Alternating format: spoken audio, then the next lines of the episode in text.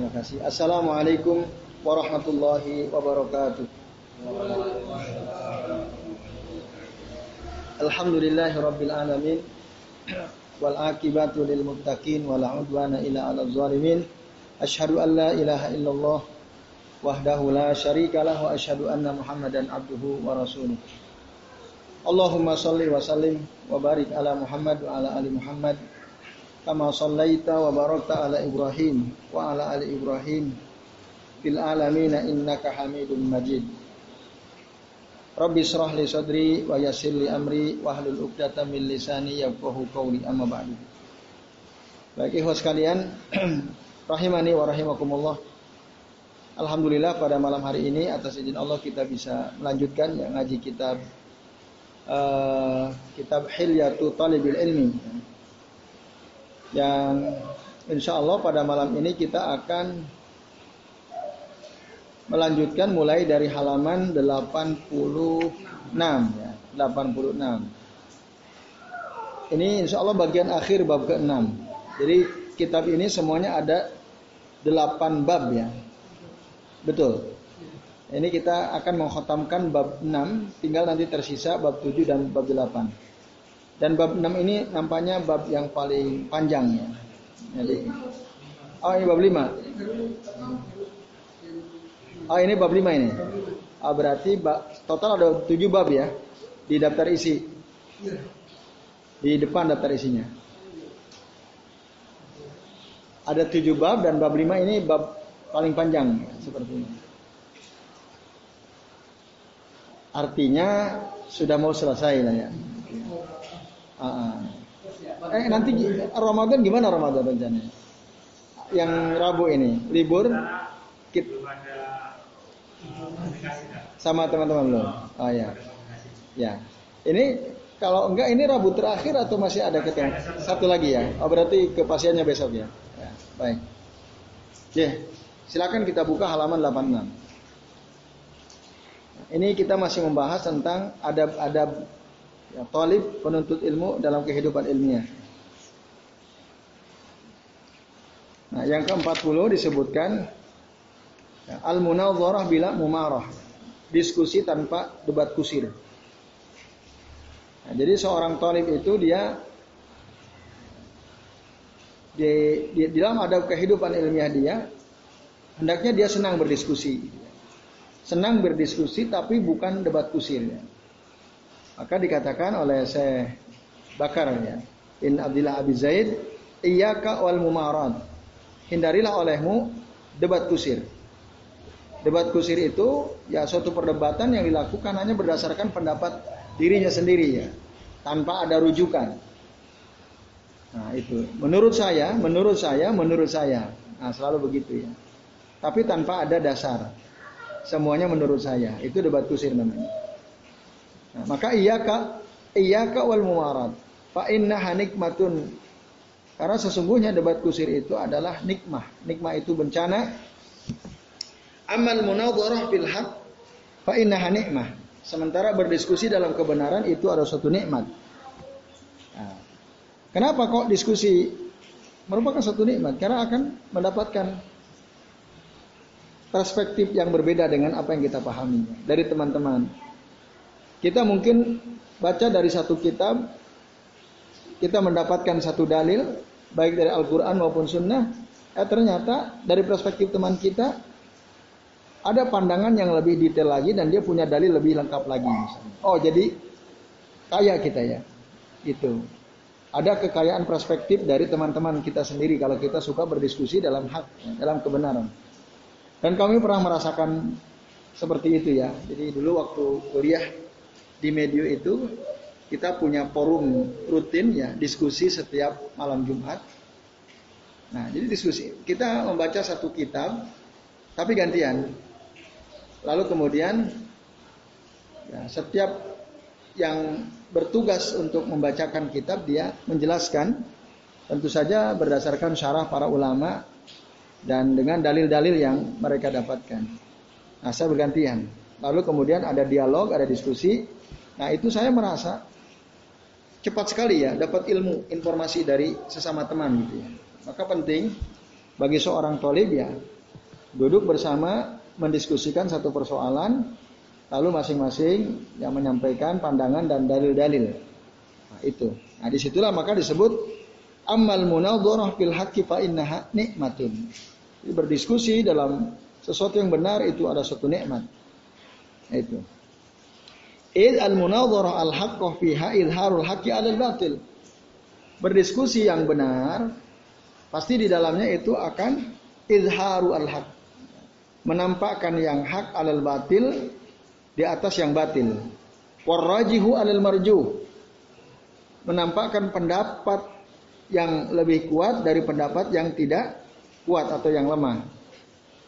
Nah, itu ya. Jadi di situ nanti menariknya kalau kita ber... tentu siapa yang lebih banyak membaca dia akan lebih banyak membawa informasi. Nah, di situ menyenangkan diskusinya. Fahiyya mabniyatun alal munasaha. Nah, diskusi yang benar itu dibangun di atas landasan untuk saling menasehati. Tujuannya itu. Jadi bukan untuk menang-menangan, bukan untuk supaya dibilang, oh kamu pandai sekali, oh bacaanmu banyak sekali, bukannya. Kita saling menasehati satu sama lain. Nah, itu tujuan berdiskusi sesama tolib ya, sesama tolibul ilm. Wal hilm tentu dilakukan dengan lemah lembut, wa nasril ilmi dan untuk menyebarluaskan ilmu. Kan indah banget ya. Kita ngobrol bareng-bareng tujuannya satu saling nasihati, saling kasih sayang ya, menunjukkan kasih sayang lemah lembut, kemudian untuk menyebarkan ilmu. Mungkin Mas Ihsan ya baca kitab yang belum tentu dibaca oleh Mas Fajar. Mungkin Mas Fajar juga baca kitab yang belum tentu dibaca oleh Mas Isna misalnya dan seterusnya ya. Bisa jadi Mas Yoyo baca satu kitab yang teman-teman yang lain belum baca kitab itu. Nah, terjadilah dialog, diskusi, saling melengkapi. Nah, terjadi, maka terjadi nasru al-ilm. Ilmu tersebar dari masing-masing kita. Amal mumarat, sementara debat kusir, fil muhawarat, wal munazarat, ya, dalam jadi debat kusir dalam sebuah diskusi itu fa inna hatta hajjujun wariyaun walagotun wa diskusi dengan cara debat kusir itu hanya untuk bantah, membantah, saling berbantahan. Ria ingin dilihat hebat gitu ya.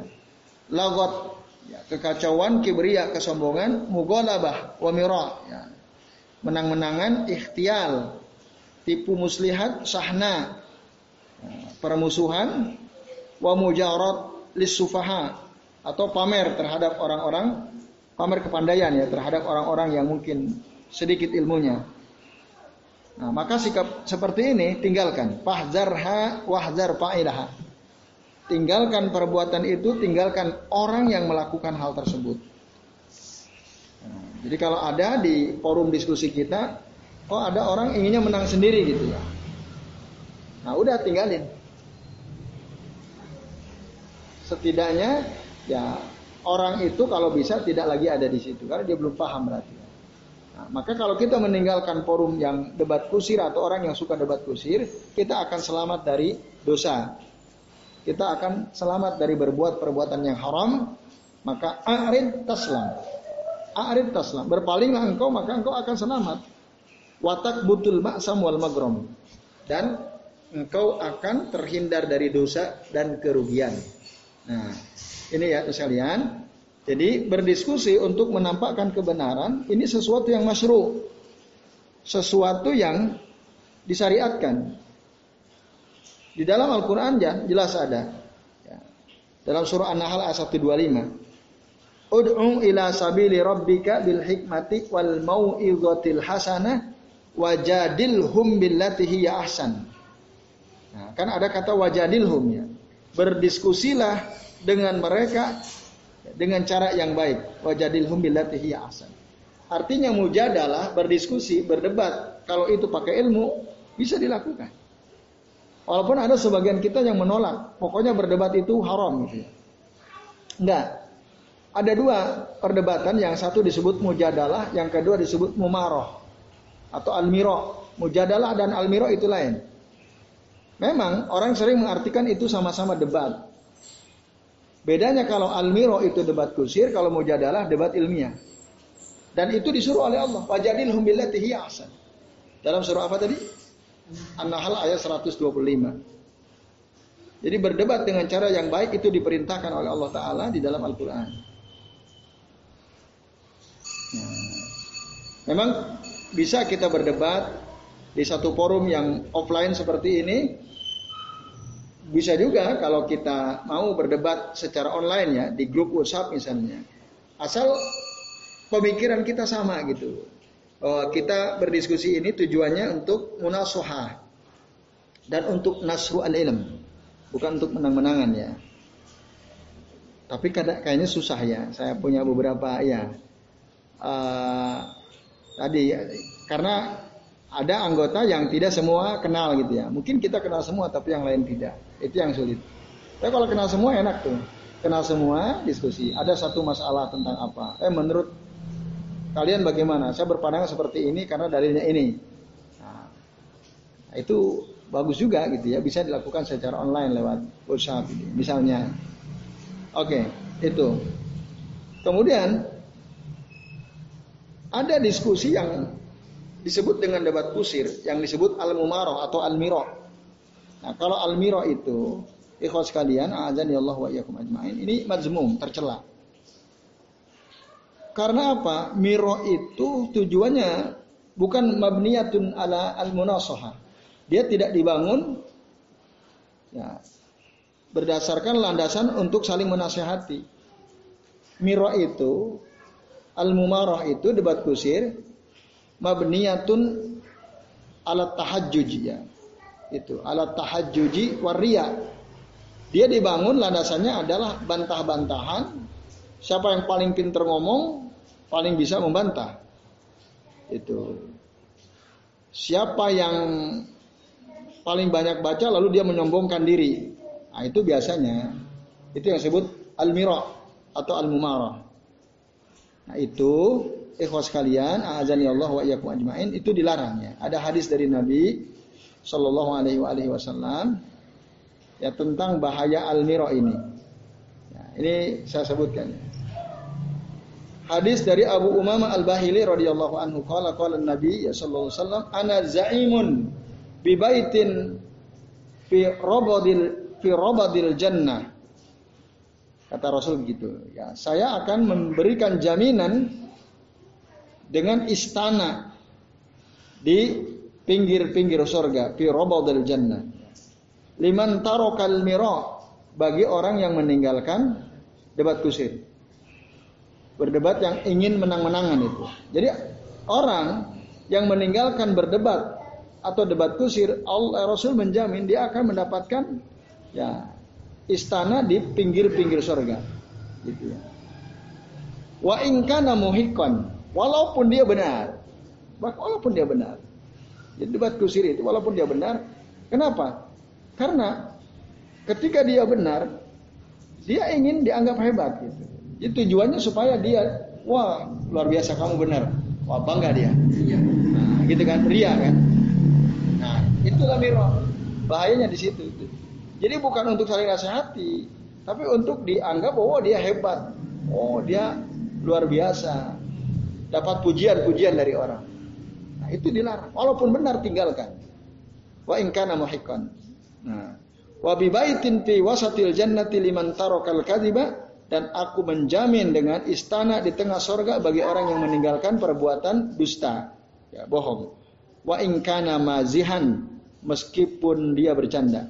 Jadi bohong itu walaupun bercanda hukumnya ha? haram. Walaupun Canda lah ya.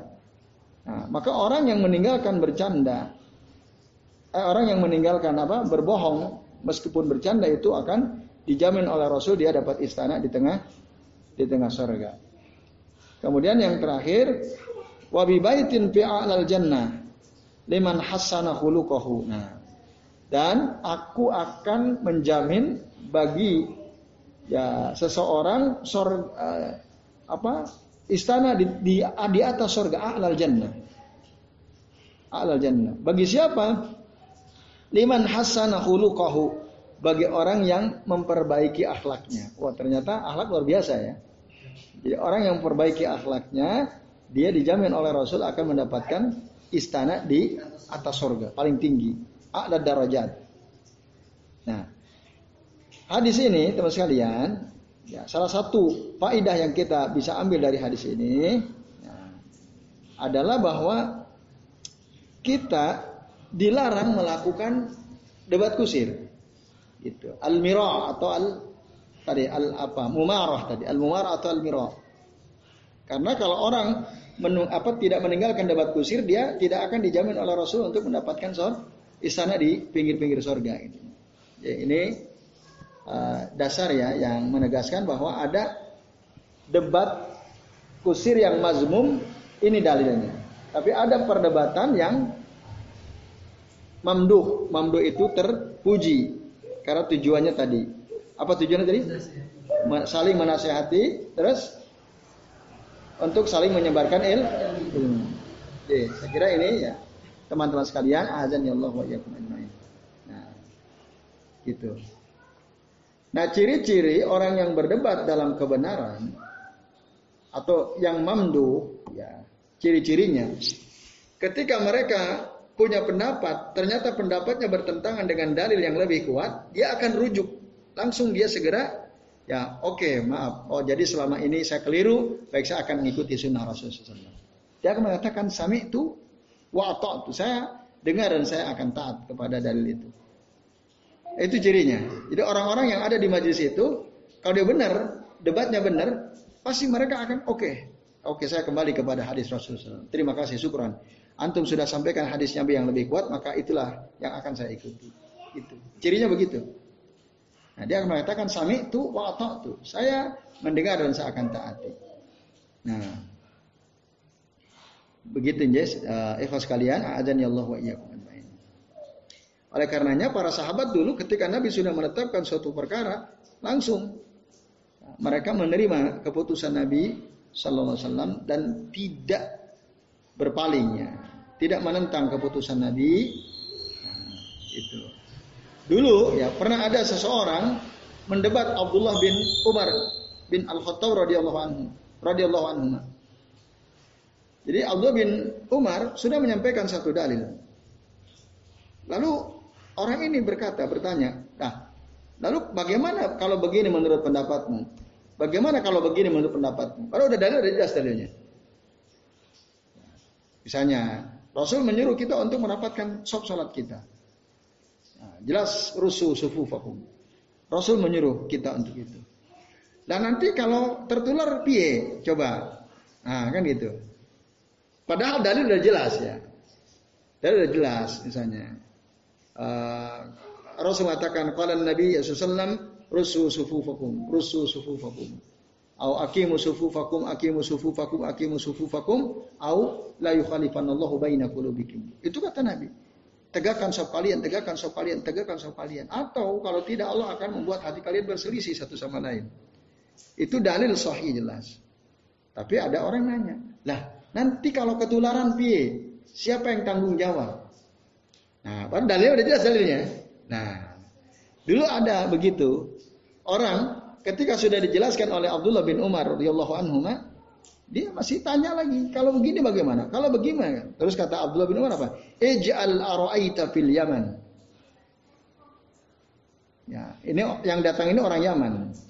Kata Abdullah bin Umar, udah kamu pakai saja kata-kata kalau begini bagaimana? Itu kamu pakai aja di Yaman sana. Jadi gak usah kamu pakai di sini di Madinah. Kau pulang ke Yaman akan pakai di sana. Nah itu sindiran keras dari Abdullah bin Umar kepada orang yang tidak puas dengan dalil. Ya. Artinya dia masih mendebat, dalilnya udah jelas kok masih debat, debat. Nah ini. Nah ini, ya.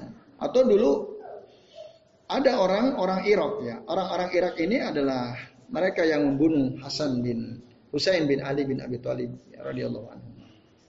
Nah, suatu kali mereka bertanya ya kepada Abdullah bin Umar tentang apa? Tentang darah ba'udoh. Ba'udoh itu apa? Nyamuk, darah nyamuk. Ya. Mereka bertanya, "Wahal yajuzu qatlal ba'udah?" Apakah boleh hukumnya kita membunuh nyamuk? Allah bin Umar bilang, "Subhanallah, Maha suci Allah," kata dia. Kalian bertanya hukum membunuh nyamuk sementara kalian membunuh Husain bin Ali. Ngapain kalian nanya itu? Manusia cucu Rasul saja kalian bunuh, nyamuk kalian tanyain hukumnya apa? Nah itu ya. Jadi mereka hanya ingin berdebat saja, bertanya tentang hukum darah nyamuk. Darah manusia saja mereka tumpahkan. Nah ini ya ikhwas kalian, azan ya Allah wa iyyakum ajmain. Nah, jadi mereka ya ingin debat kusir gitu. Maka nggak digubris gitu. Darah cucunya Rasul saya kalian bunuh kok ditumpahkan kok nyamuk ditanya. Nah ini ya itu ya terus kalian azan ya Allah wa. Intinya perdebatan itu ada berapa macam? Dua. Satu yang mujadalah itu itu debat yang apa itu sifatnya? Debat ilmiah dan itu hukumnya apa? Tercela atau terpuji? Terpuji. Kemudian yang kedua al-mira. Al-mira itu apa? Debat kusir. Apa bedanya al-mira dengan mujadalah? Dari sisi dari sisi tujuannya.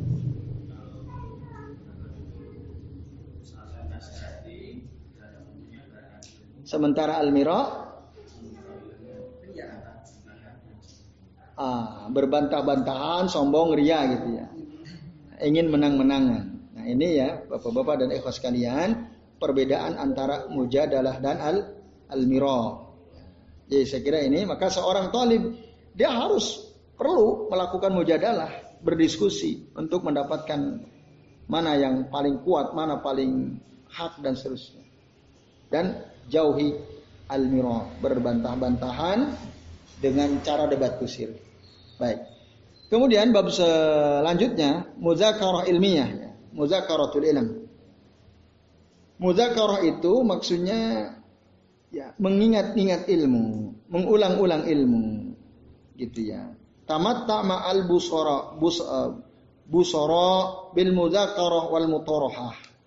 Itu kata saya bakar. Nikmatilah kebersamaan dengan orang-orang berilmu ya, dengan melakukan muzakarah dan saling bertanya wal mutoroha fa inna hafi mawatina tafuukul mutalaah wa tashhazu az-zihna karena sesungguhnya muzakaratul ilmu itu bisa menampakkan ya mana yang benar dan mana yang batil oh maaf uh, karena dengan muzakarah tersebut uh, lebih bagus kita bisa saling bertanya dan kita bisa dikatakan bisa saling menelaah buku ya. Dia bisa tashazu azihna mengasah otak ya, mempertajam otak. Waktu qawwidz zakirah ya, memperkuat ingatan. Wa multaziman bil insaf wal mulatafah gitu ya. Dan dia bisa ya apa menjaga sikap objektif ya. Objektif itu al insaf wal mulatafah dan bersikap lemah lembut mubta'idan anil haifi wasyagam wal mujazifah ya wal mujazafi ya wal mujajafah dan muzakarah itu bisa ya selain tadi bisa membuat kita bersikap objektif ya, bersikap lemah lembut muzakarah juga bisa menghindari sikap yang tidak adil an al haif wasyagam wal muja mujazafah bersikap tidak adil, provokatif atau ngawur. Itu bisa kita hindari dengan cara muzakarah. Itu kata saya Bakar ya. Nah, kemudian beliau katakan uh, wakun ala hadar, hati-hatilah kamu. Fa inna takshafu ya, wara man la yasduk. Karena dengan muzakarah itu bisa membuka ya, aib orang yang tidak jujur. Fa in kanat ma'a fil ilmi. Meskipun ya, dilakukan oleh orang yang pendek ilmunya, ya, yang sedikit ilmunya, itu maksudnya. Wabar wabari di zihni, ya, dan orang yang tumpul otaknya atau yang beku otaknya, fahiyadaun munafiroh. Karena sesungguhnya ya orang yang tadi disebutkan itu, ya, orang yang pendek sedikit ilmunya, beku otaknya, nah, itu adalah penyakit daun wa munafarah ya, dan hal yang menyebalkan. Wa amma mudzakaratu kama anafsika fi tak fi taklibika limasailil ilm fahadha ma la yasugu an tanfaka anhu. Adapun kamu melakukan muzakarah sendiri, muzakarah itu gimana? Mengingat ilmu. Kita misalnya muzakarah sendiri ya, prakteknya gimana? Muzakarah sendiri itu. Uh, kita berangkat dari pertanyaan-pertanyaan yang ada di benak kita atau mungkin dari pertanyaan teman-teman kita. Nah, lalu dengan itu kita bisa muzakarah ilmiah ya, mengingat-ingat kembali ilmu, membuka kembali kitab-kitab. Nah, misal tadi saya dapat pertanyaan, Ustaz apa hukumnya seorang muslim menikah dengan orang ahlul kitab, orang Yahudi, orang Nasrani? Nah, saya bilang tidak boleh, haram. Kenapa? Karena orang Yahudi, orang Nasrani, orang musyrik. Mana bukti kemusyrikan mereka? Karena di dalam Al-Quran Allah mengatakan, Waqalatil Yahudu Orang-orang Yahudi berkata, Uzair ibnullah. Uzair adalah anak Allah. Wa qalatin Nasara, Isa ibnullah. Orang Nasrani bilang Isa adalah putranya Allah. Siapa saja yang menganggap Allah punya anak berarti dia musyrik kan. Padahal kan ditegaskan, ditegaskan dalam surah Al-Ikhlas. Kul huwallahu Kul huwallahu ahad. Allahu samad lam yalid wa lam yulad. Allah tidak tidak melahirkan, Allah tidak dilahirkan. Lah kok dibilang Allah punya anak? Berarti orang yang bilang Allah punya anak musyrik atau tidak? Berarti orang Yahudi musyrik atau tidak? Orang Nasrani musyrik. Itu argumen saya ya. Nah, bukankah di dalam ayat Al-Qur'an Allah juga mengatakan la tangkihul musyrikati. Janganlah kalian menikahi wanita-wanita musyrik. Ya, hatta ya, yu'minna sampai mereka beriman wala amatum mu'minatun khairum mim musyrikatin walau a'jabatkum. Seorang budak wanita yang beriman itu lebih baik daripada wanita musyrik walaupun membuat engkau kagum. Mungkin cantik, kaya, cerdas, smart. Semua sifat positif ada pada diri si orang si wanita musyrik ini. Nah, walaupun begitu keadaan si musyrik, semua sisi positif ada pada dirinya tapi dia musyrik, itu tidak lebih baik daripada seorang wanita yang dia adalah seorang budak wanita tapi dia beriman.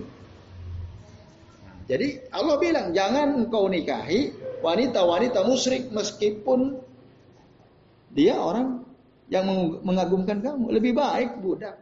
Itu dalil yang kami ya, jadikan dasar gitu.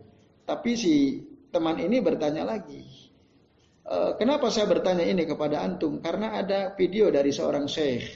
Lalu dia nge-share videonya. Nah, dalam video itu memang pernyataan si syekh.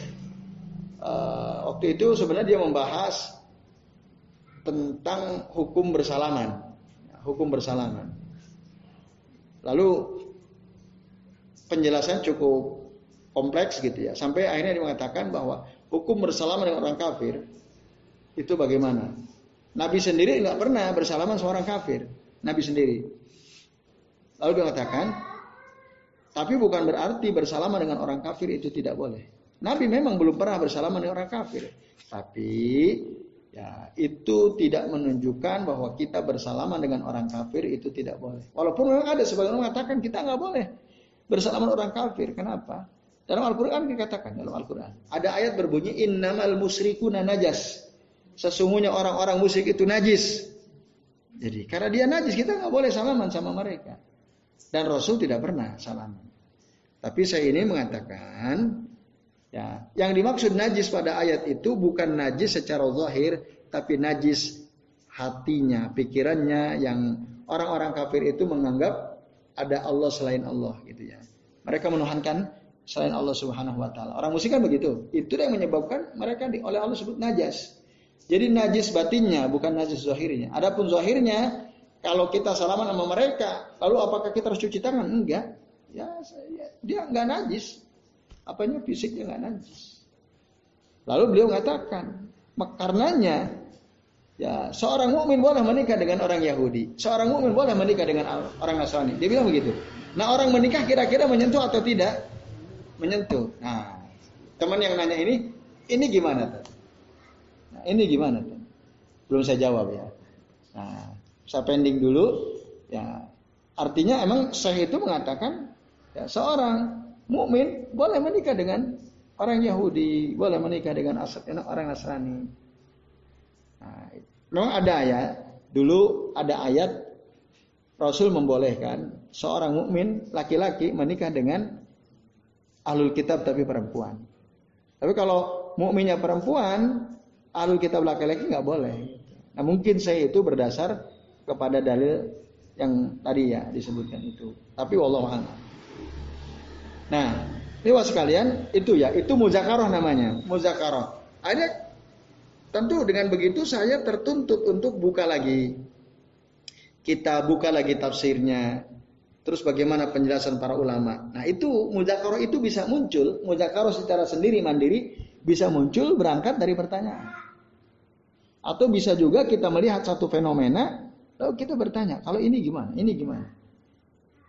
Nah, kan itu bisa gitu ya. Fenomena yang terjadi di masyarakat yang fenomena aktual gitu ya. Apa nih fenomena paling aktual apa sekarang nih? Pawang hujan lah misalnya pawang hujan. Mo mohon maaf, ada artikel ormas, artikel yang menerbitkan ormas besar, ya ormas besar. Dalam artikel tersebut dikatakan tidak ada masalah pawang hujan. Itu. Dia mengatakan tidak ada, itu boleh, sesuatu yang boleh. Wah itu kan sempat ribut juga di salah satu grup yang saya bergabung di dalam grup itu. Kok bisa? Nah, diskusilah teman-teman. Ini gimana? Kok bisa dia? Itu jelas. Ada nama ormasnya. Ya, saya nggak usah sebut namanya, tapi saya kira antum sudah tahu lah ke mana arahnya. Itu dia bilang, si penulis itu bilang boleh. Itu itu tidak ada masalah. Dia menggunakan dalil Rasulullah ketika hujan deras, lalu Rasul ingin hujan itu tidak turun di tempat itu, tapi berpindah. Kan Allahumma hawalaina wala alaina. Wala Allahumma hawalaina wala alaina. Allahumma alal akami wal zirabi wal jibali wa butunil audiyati wa madabiti syajar. Itu memang Rasul pernah. Ini doa supaya tidak hujan di tempat itu. Tapi hujannya Allah pindahkan ke tempat lain tadi. Alal akam, wal zirab, wal jibal, ya wabutunil audiyah wa syajar. Silakan turunkan ya Allah di sana di bukit-bukit, di gunung-gunung, di lembah-lembah atau di tempat-tempat tumbuh pepohonan. Jadi jangan di tempat kami. Nah, itu dia menggunakan dalil itu untuk menjustifikasi bahwa aktivitas pawang hujan untuk memindahkan hujan itu nggak ada masalah karena dulu pun Rasul pernah melakukan. Kan gimana tuh? Kejahilannya luar biasa kan? Nah, dia nggak bisa mikir. Saya nggak tahu itu gimana cara berpikir dia. Ya. Kan? Ah, apa yang dilakukan oleh Rasul dengan pawang hujan sama atau tidak? Nah, kan itu. Kalau dia menyamakan gitu, apa sama-sama ingin memindahkan hujan? Rasul pernah melakukan, pawang hujan kan begitu juga. Ya berarti kan boleh. Nah ini. Nah ini kan misalnya kita melihat fenomena seperti itu, lalu kita muzakarah, baca lagi kita, baca lagi dalil, kita analisa, kita mutolaah, nah, lalu kita tulis, ya, nah kan jadi dapat ilmu tuh kita. Nah kan begitu ya. Ikhwas sekalian, azan ya Allah wa Itu cara muzakarah secara mandiri. Dan seorang talib harusnya suka dia melakukan hal-hal seperti itu gitu loh. Ada saat di mana dia melakukan muzakarah. Nah, Apalagi kalau dari muzakarah itu menghasilkan sebuah artikel gitu ya, walaupun sederhana gitu. Nah, menarik gitu. Ilmu kita udah nambah, ada faedah untuk orang lain, gitu kan. Nah itu. Nah ini maka pentingnya muzakarah ilmiah itu sangat penting dilakukan oleh seseorang. Ya. Nah semoga di host sekalian kita kita kita ini yang biasa ngaji ini ya, ya menghidupkan tadi selain mujadalah muzakarah karena ini bagian daripada adab seorang talib ya. Nah, bisa muzakarah. Dan saya yakin semua kita bisa kan sebenarnya. Cuman kita males aja kan. Malas sibuk dengan urusan dunia kita kan. Urusan ilmu kita nomor sekian gitu ya.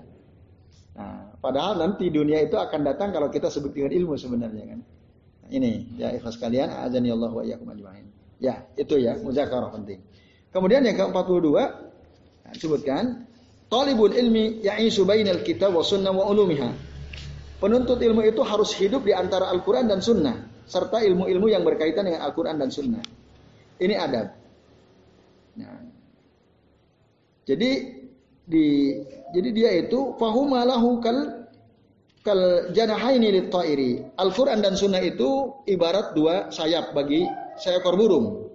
Fahdar an takuna janah. Maka hati-hatilah, waspadalah jangan sampai sebelah sayapmu patah. Kata saya bakar.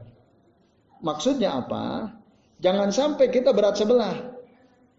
Kita belajar Al-Quran, belajar tafsirnya, tapi enggak pernah mempelajari sunnah-sunnah Rasul Sallallahu Alaihi Wasallam. Wah ini patah nanti berat sebelah. Atau sebaliknya, kita mempelajari sunnah-sunnah Rasul, hadis-hadis Rasul, ilmu ulumul hadis kita pelajari. Tetapi Al-Quran tafsirnya enggak pernah kita pelajari. Nah ini namanya berat sebelah. Nah seorang talib adabnya harus seimbang antara Al-Quran dan Sunnah bagikan dua sayap seekor burung sehingga dia bisa terbang gitu. Nah, jadi tapi fakta di lapangan banyak orang sibuk dengan ilmu yang berkaitan dengan sunnah tapi dia lupa mempelajari Al-Quran dan tafsirnya. Atau sebaliknya, dia sibuk mempelajari Al-Quran dan tafsirnya, dia lupa mempelajari sunnah-sunnah Rasulullah SAW. Maka kita yang misalnya sudah punya kesempatan punya forum kita belajar hadis-hadis Nabi misalnya, kita harus punya juga forum atau majelis di mana kita belajar Al-Quran dan penjelasan-penjelasannya dan tafsirnya. Syukur-syukur dengan ulumul Qurannya. Jadi ini ya, ikhwas sekalian, azani Allah wa Jadi inilah di antara adab ilmiah yang patut diperhatikan oleh setiap talib. Ya. Jadi jangan sampai kita lalai dari salah satu dari dua perkara ini dan Terakhir, selain itu, nah, eh, kita juga penting untuk mempelajari ya kata-kata para ulama, al ulama al ajillah itu ulama-ulama soleh ya ulama-ulama yang ilmunya luas. Ketika kita baca tafsir otomatis akan ketemu tuh perkataan kola Abdullah bin Abbas, kola Qatadah, kola kola apa ya? Ibnu Taimiyah misalnya dan lain-lain itu kan ketemu. Nah, itu penting juga kita mempelajari kaul-kaul para ulama terkait tentang makna suatu ayat atau makna suatu hadis dari Nabi SAW. Nah, itu. Jadi itu adab. Ya. Nah, sebelum kita bilang menurut saya, nah itu itu nanti ada saatnya. Ketika ilmu sudah luas ya. Tapi ketika kita masih menjadi tolib, ya kita harus pelajari bagaimana kaul para ulama terhadap suatu ayat, kaul ulama terhadap uh, syarah suatu hadis Nabi SAW. Nah ini ya ikhwas kalian, azan ya Allah wa iyyakum ajma'in. Jadi saya kira ini jelas ya. Jadi itu nggak boleh timpang itu dua-duanya. Nah pertanyaannya adalah apakah selama ini kita sudah punya nggak majelis yang di dalamnya kita mempelajari sunnah? Tuh, satu pertanyaan besar yang antum harus jawab masing-masing. Oh ada apa? Bulughul maram misalnya. Nah, itu kan sunnah. Ya kan? Sunnah sunnah Rasul. Lalu pertanyaan berikutnya, apakah ada majelis di mana antum belajar Al-Quran dan tafsirnya? Belum. Nah, itu kan. Nah, di situ harus seimbang. Seorang talib adabnya dia harus dua-duanya dapat dia. Nah, ini ya ikhlas kalian azan ya Allah wa Jadi saya kira ini ya penjelasan dari poin yang ke-42. Terakhir, ya, uh, istiqmalu adawat kulli fannin, menyempurnakan perangkat setiap bidang ilmu. Maksudnya apa? Nah, dia dikatakan ya, kata saya bakar, engkau tidak mungkin menjadi seorang penuntut ilmu yang ahli. Lan takuna taliba ilmin. Ya. Uh, yang tidak mungkin kita menjadi seorang talib yang ahli ya. Dikatakan mut kifanan muta, uh, mutafanninan ya. Mutafannin maksudnya ahli tadi ya. Kamu tidak mungkin menjadi seorang talib yang ahli nanti, ya, yang ahli dan benar-benar menguasai ilmu. Hatta yali jal jamalu samil khiyat. Bahkan sampai unta masuk ke lubang jarum. Kamu nggak akan bisa benar-benar menguasai ilmu. Sampai unta masuk ke lubang jarum. Unta mungkin nggak masuk ke lubang jarum? Nggak mungkin. Jadi seorang talib dia nggak mungkin betul-betul menjadi ahli, tidak mungkin sampai unta masuk ke lubang jarum. Nah, selama apa? Malam tastakmil adawati dzalikal fan. Selama dia atau selama kamu tidak menyempurnakan perangkat-perangkat ilmu yang kau pelajari itu. Kita belajar Al-Quran, tapi kita nggak pernah belajar ulumul Quran. Nah, ulumul Quran itu perangkat untuk bisa memahami Al-Quran dengan baik. Kita belajar fikih, tapi kita nggak pernah belajar usul fikih. Kita belajar hadis, tapi nggak pernah belajar mustalahul hadis, gitu. Atau kita belajar bahasa Arab, tapi nggak pernah belajar nahu dan sorof misalnya. Itu kalau nggak begitu, ya nggak akan mungkin kita jadi ahlinya gitu. Nah, untuk menjadi expert ya, ahli di satu bidang ilmu, maka perangkat-perangkat ilmu itu harus dipelajari. Kalau gitu berarti perjalanan kita masih panjang ya. Nah, masih panjang. Nah, tinggal tergantung seberapa waktu, banyak waktu yang kita luangkan untuk belajar kan. Nah, sebenarnya kan begitu. Nah ini ya, ikhwan sekalian, azan ya Allah wa ajmain. Begitu. Nah, maka Allah Subhanahu wa taala berfirman, beliau mengutip satu dalil dari Al-Qur'an surah Al-Baqarah ayat 121. Alladzina atainahumul kitab yatslunahu haqqa tilawati. Orang-orang yang kami beri Alkitab, mereka membacanya dengan sebenar-benar bacaan. Jadi uh, orang yang baik itu adalah ketika dia diberikan oleh Allah Alkitab, maka dia baca betul-betul. Nah, Payustafadu minha Ya, fayustafadu minha. Maka dia bisa mengambil faidah dari ayat tersebut ya, dari kitab tersebut atau uh, dari pernyataan ini ya. Dari ayat ini ya, fayustafadu minha kita bisa ambil kesimpulan faidah dari ayat ini anna taliba la yatruku ilman hatta yutqinahu. Nah, itu. Nah, bahwa seorang penuntut ilmu itu Ya, jangan sampai dia berhenti berhenti mempelajari sebuah ilmu hatta yutkinahu sampai dia ya hatta yutkinahu sampai dia betul-betul menguasainya. Tapi banyak orang menuntut ilmu belum menguasai udah futur ya, udah pasrah, sudahlah. Itu ya itu. Ya, kalau kita ingin betul-betul ahli ya menguasai memang uh, sampai tuntas gitu. Kita pelajari sampai tun tuntas. Nah ini, ini di antara ada penting yang perlu diperhatikannya oleh seorang tolib ya, seorang penuntut ilmu. Nah, saya doakan semoga antum semua ya kita semua diberikan kesempatan oleh Allah Taala ya untuk mempelajari ilmu-ilmu yang banyak itu. Ya mungkin kita udah belajar fikih dari kitab Bulughul Maram. Semoga suatu saat kita bisa mempelajari kitab Usulul Hadis, eh, usul fikih ya. Mungkin kita pernah belajar tafsir Semoga nanti suatu saat kita punya kesempatan untuk belajar ulumul Quran. Mungkin kita pernah belajar hadis-hadis Nabi ya, misalnya dari kitab Riyadus Salihin. Semoga nanti suatu saat kita punya kesempatan untuk belajar ilmu musolahul hadis dan seterusnya. Nah, sehingga kita betul-betul ya mengarah ke arah kemajuan ya. Sehingga akhirnya menjadi ahli di bidang tersebut. Oke, saya kira ini ya tuh sekalian penutup bab yang kelima ya. Ini merupakan adab-adab dalam kehidupan ilmiah seorang talib. Gimana? Gak, gak berat kan? Bisa ya insya Allah ya. Bisa saya kira. Ya setidaknya kita tahulah adabnya. Soal nanti prakteknya bagaimana ya kembali pada diri kita masing-masing. Ya setidaknya ada azam, ada keinginan kuat ya. Semoga ada kesempatan untuk belajar ilmu ini, ilmu ini, ilmu ini. Dan belajar model gini kan apa harus kuliah? Tidak sebenarnya kan. Tinggal kita ada niat atau tidak. Tinggal kita punya kemauan atau tidak. Tinggal kalau ada, ya mari kita buat majelisnya kan begitu.